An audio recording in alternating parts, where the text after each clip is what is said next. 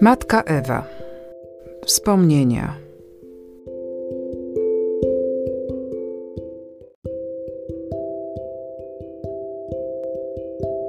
Anielscy posłańcy.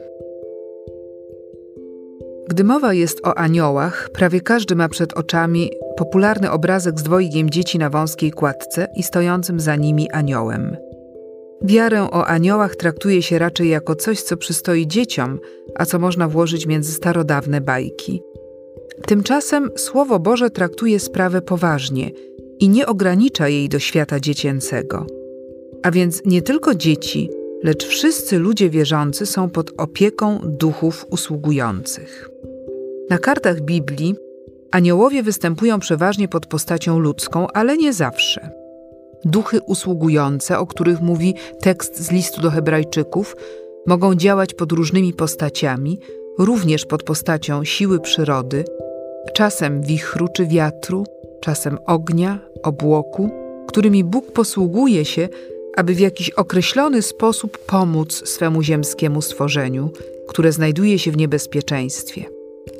Niebezpieczeństwo bywa różnej natury, czasem fizyczne, a nieraz chodzi o sprawy duchowe, które potrzebują jakiegoś światła czy korekty. Osobiście doznałam dwukrotnie w życiu opiekuńczego działania sił, o których mowa. Po raz pierwszy zdarzyło się to w początkowej fazie naszego gospodarowania w Miechowicach. Nasz zarządca postanowił poddać gruntownemu czyszczeniu obory i zażądał jakiejś dziewczyny do pilnowania krów wyprowadzanych na pastwisko. Ponieważ w tym czasie nasze krowy nie były jeszcze wyganiane na dwór, miałam obawy, czy młode dziewczęta dają sobie z nimi radę. Postanowiłam sama wziąć na siebie ten obowiązek i przygotowałam się do tego niecodziennego zajęcia. Kiedy więc nasze krówki opuściły obory, zapytałam parobka, czy któraś z nich nie bodzie. Owszem, odpowiedział spokojnie, ta żółta z białą głową, ale to nic strasznego. Trzeba tylko mieć porządny kij w ręce i gdy się będzie zbliżać, porządnie uderzyć, wtedy ucieknie. Uzbrojona w długą tyczkę od fasoli objęłam swój pasterski urząd. Usiadłam na stercie wikliny, zagłębiłam się w czytanie dziejów apostolskich. W pewnej chwili rzuciłam okiem na pasące się krowy i zobaczyłam, że jedna z nich dziwnie energicznie zmierza w moją stronę, mając podniesiony w górę ogon i spuszczoną ku ziemi głowę. Niestety była to głowa biała. Zgodnie z otrzymaną instrukcją stanęłam w postawie bojowej, trzymając mocno w obu rękach ową tyczkę od fasoli. Nie wiem nawet, kiedy to się stało, a już moja tyczka fruwała w powietrzu, a ja leżałam w trawie u stóp żółtej krowy. Nie było czasu na wstawanie czy uciekanie gdziekolwiek. Biały łeb obracał mną jak piłką i turlał po trawniku. Czułam, że krowa usiłuje mnie wziąć na rogi, aby w następnej chwili wyrzucić w powietrze, jak to podobno mają zwyczaj robić takie krowy. Już widziałam siebie szybującą w powietrzu w ślad za moją tyczką. I nagle spłynął na mnie dziwny spokój i pewność, że nic mi się nie stanie. Zaczęłam tylko cicho szeptać: Panie, wiem, że jesteś ze mną. Nie stawiałam żadnego oporu i pozwoliłam krowie robić, co jej się podoba a instynktownie nie wydawałam z siebie żadnego alarmującego dźwięku. W tym czasie siostra Jadwiga znajdowała się naprzeciwko w jednej z sypialń dziewczęcych, przypadkowo rzuciła okiem w stronę okna.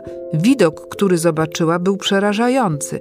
Oto w miejscu, gdzie obecnie stoi cisza Syjonu, a wtedy był trawnik, zobaczyła mnie pod rogami żółtej krowy, która się mną zabawiała jak piłką. Siostra Jadwiga wychyliła się przez okno i zaczęła krzyczeć w stronę kopiącej ziemniaki jednej z miejscowych kobiet, ale ta nie wzięła wołania do siebie i spokojnie wykonywała dalej swoją robotę. Siostra musiała więc wybiec na dwór, okrążyć cały budynek, by dobiec do kobiety i wskazać jej na to, co się ze mną działo. Gdy kobieta zaczęła biec z podniesioną motyką w naszą stronę, moja krowa już przedtem zdążyła się rozmyślić i nagle przestała się mną interesować, odwróciła się i zaczęła iść w stronę pasących się jej towarzyszek. Gdy kobieta do mnie dotarła, ja już przez chwilę stałam na własnych nogach. Stało się to równie szybko jak wtedy, gdy znalazłam się na ziemi. Miałam dziwne wrażenie, jakby jakieś niewidzialne ręce uniosły mnie i postawiły na nogi. To wrażenie, z którym łączyła się wewnętrzna pewność, że zostałam uratowana przez bezpośrednie działanie Boże, To pozostało mi na całe życie. Po raz drugi spotkało mnie coś w tym rodzaju nad rzeką Jordan, w Ziemi Świętej. W roku 1895 wybrałam się z naszą siostrą Martą i synem pastora Bodelszwinga na wycieczkę z Jerozolimy do znanego miejsca chrztu Pana Jezusa w Jordanie. Towarzyszyła nam również jedna z sióstr z Kaiserswertu i jeden z pielęgniarzy również z tamtejszego diakonatu. Zmęczeni podróżą i upałem, rozłożyliśmy się w cieniu małego zagajnika z tamaryszku, aby trochę odpocząć i pożywić się tym, co mieliśmy ze sobą.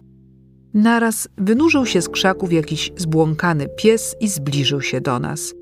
W owym czasie spotykało się w Palestynie bardzo dużo takich zabłąkanych i bezpańskich psów, które kręciły się koło zjeżdżających nad Jordan turystów.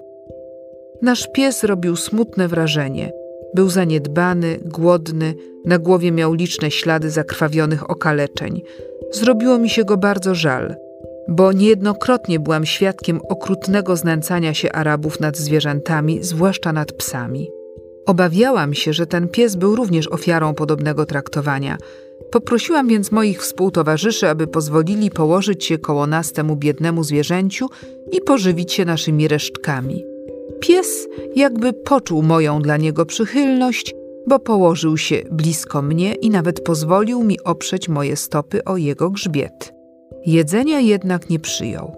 Leżał może kwadrans, może trochę dłużej, gdy wyraźnie zaniepokojona siostra Marta powiedziała, że pies robi na niej nieprzyjemne wrażenie i prosiła, aby go jednak odpędzić. Wtedy wstał ten pielęgniarz i usiłował psa odpędzić swoją laską.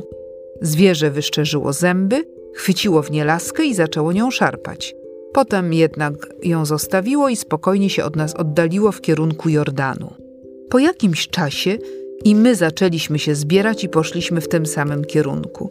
Nad Jordanem wynajęliśmy łódkę, aby udać się nią w miejsce chrztu Pana Jezusa, a jeden z przewoźników okazał się polskim Żydem i opowiedział nam o wydarzeniu, jakie tuż przedtem miało miejsce. Zjawił się tam mianowicie wściekły pies, który pokąsał jakieś zwierzę, a potem rzucił się na jednego z mężczyzn, ale został na czas powstrzymany i zatłuczony kamieniami. Jego trupa wrzucono do rzeki. Byliśmy bardzo poruszeni opowiadaniem i prosiliśmy przewoźnika, aby nam opisał to zwierzę i wskazał skąd przyszło. Wszystko się zgadzało i opis, i kierunek. To był nasz pies. Był to drugi wypadek, gdy w sposób zupełnie wyraźny odczułam opiekę Bożą nad sobą w chwili, gdy groziło mi śmiertelne niebezpieczeństwo. Wścieklizna była w tych czasach dość częstym zjawiskiem w Palestynie, a ludzie byli wobec niej całkowicie bezsilni. Jeszcze wtedy nie znano szczepionki doktora Pastera, dlatego człowiek ugryziony przez wściekłego psa musiał umrzeć w straszliwych boleściach. Jakąż otuchą napawa myśl, że dzieci Boże mają do pomocy anielskich posłańców, którzy je strzegą na wszystkich ich drogach, jak to pięknie wyraził psalmista.